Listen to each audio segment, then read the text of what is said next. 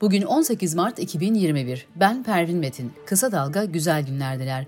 Özge Mumcu Aybars editörlüğünde hazırlanan Kısa Dalga Bülten başlıyor.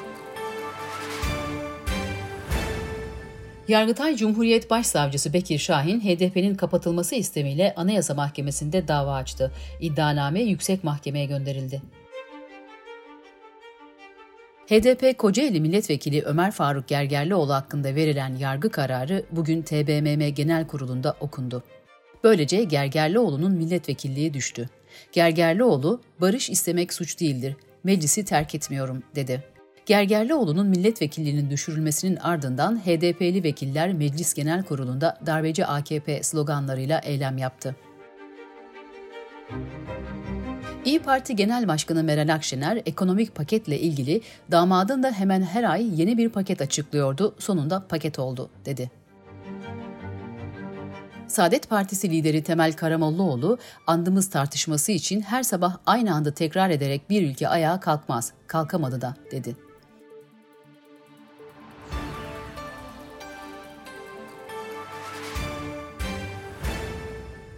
Danıştay'ın andımız kararı nedeniyle Deva Partililer sosyal medyada atıştı. İstanbul İl Yöneticisi Beytullah Aksoy, bir Türk için her sabah ben Türk'üm diye bağırmak ancak hayvani bir ihtiyacı tatmin edebilir dedi. İl yöneticilerinden Feramuz Erdin ise halkı bölen, hakaret eden ve tepeden bakan zihniyet ile yolumu ayırmam gerekiyor diye yanıt verdi. Kabe görseli üzerine LGBTİ bayraklarının yerleştirildiği kolaj çalışması sebebiyle halkı kin ve düşmanlığa tahrikle suçlanan ikisi tutuklu 7 öğrenci hakim karşısına çıktı. Öğrenciler suçlamaları kabul etmedi. Hakim öğrencilere LGBT ile bağlantın var mı diye sordu.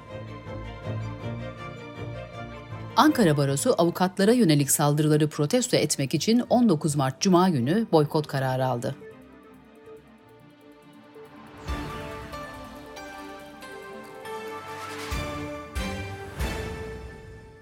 Gazeteci yazar Enver Aysever Twitter'da paylaştığı bir karikatür nedeniyle açılan soruşturmayla ilgili olarak gözaltına alındı. Aysever ifade verdikten sonra serbest bırakıldı. Toplu iş sözleşmesi imzalanan Tunceli Belediyesi'nde kadın çalışanlara her ayın belli bir günü regl menopoz izni hakkı verildi. LGBTİ çalışanlar da onur yürüyüşlerinde idare izinli sayılacak. Konsensus'un Şubat araştırmasına göre ankete katılanların %65.6'sı ifade özgürlüğünün olmadığına inanıyor. Türkiye'de din ve vicdan özgürlüğü var mı sorusuna ise %58.6'sı evet yanıtı verdi. Türkiye'de nüfusun %70'inin deprem bölgesinde yaşadığını belirten Bakan Kurum, çözümün konutların dönüştürülmesi olduğunu belirtti. Kurum, her yıl 300 bin konut dönüştürerek bunu başarmayı hedefliyoruz dedi. İzmir'de devlet demir yollarında hareket memuru olan Serdar Urun, sosyal medyadaki sürgün insanlık suçudur paylaşımı nedeniyle İzmir'den TCDD'nin İran sınırında bulunan Van Kapıköy istasyonuna gönderildi. Ordu eski valisi Seddar Yavuz'a hakaret ettiği iddiasıyla açılan davada İstanbul Büyükşehir Belediye Başkanı Ekrem İmamoğlu'na 354 gün boyunca 20 TL para cezası verildi. Covid-19 haberleriyle devam ediyoruz. Bilim Kurulu üyesi Profesör Doktor Levent Akın, normalleşme sürecinin etkilerinin bu hafta görülmeye başlandığını söyledi. Akın, gelecek hafta hastaneye yatışlarda bir artışla da karşılaşabiliriz dedi. Sağlık Bakanlığı'nın güncellediği temaslı takibi, salgın yönetimi, evde hasta izlemi ve filyasyon rehberine göre iki doz aşı olan kişiler karantinaya girmeyecek. ABD'de üretilen Moderna aşısı 6 aydan 12 yaşa kadarki grupta denenmeye başladı. ABD ve Kanada'da yapılacak testlere 6750 çocuğun katılması planlanıyor. Sağlık Bakanı Fahrettin Koca, vaka sayısı en çok artan illerin Samsun, Kilis, Balıkesir, İstanbul ve Yalova olduğunu duyurdu. Kontrollü normalleşme sürecinde 15 gün geride kaldı.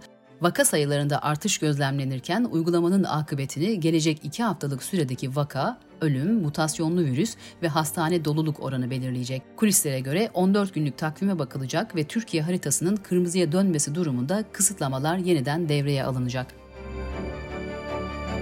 Avrupa İlaç Ajansı AstraZeneca aşısının ağır koronavirüs vakalarını ve ölümleri önlemedeki faydalarının yan etkilerinin yarattığı risklere göre daha fazla olduğunu tekrarladı.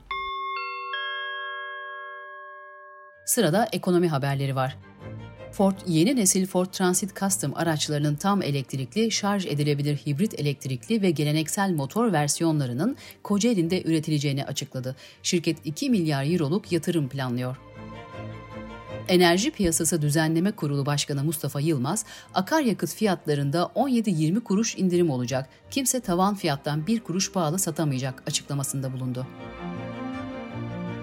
Merkez Bankası'nın konut fiyat endeksine göre Ocak'ta Türkiye genelinde konut fiyatları yıllık bazda %30.4 oranında arttı. Reel fiyat artışı %13.5 oldu.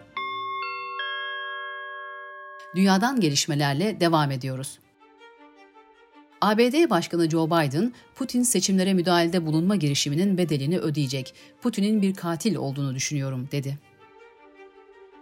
ABD'de Asyalıların işlettiği 3 masaj salonunda düzenlenen silahlı saldırılarda 8 kişi hayatını kaybetti. Olayla ilgili 21 yaşında bir kişi gözaltına alındı. ABD'den ayrılan Birleşik Krallığın güvenlik ve dış politikada yeni önceliklerini ortaya koyan strateji belgesi açıklandı. Hint-Pasifik bölgesi ağırlık noktası ilan edilirken nükleer güce geri dönüş işareti verildi.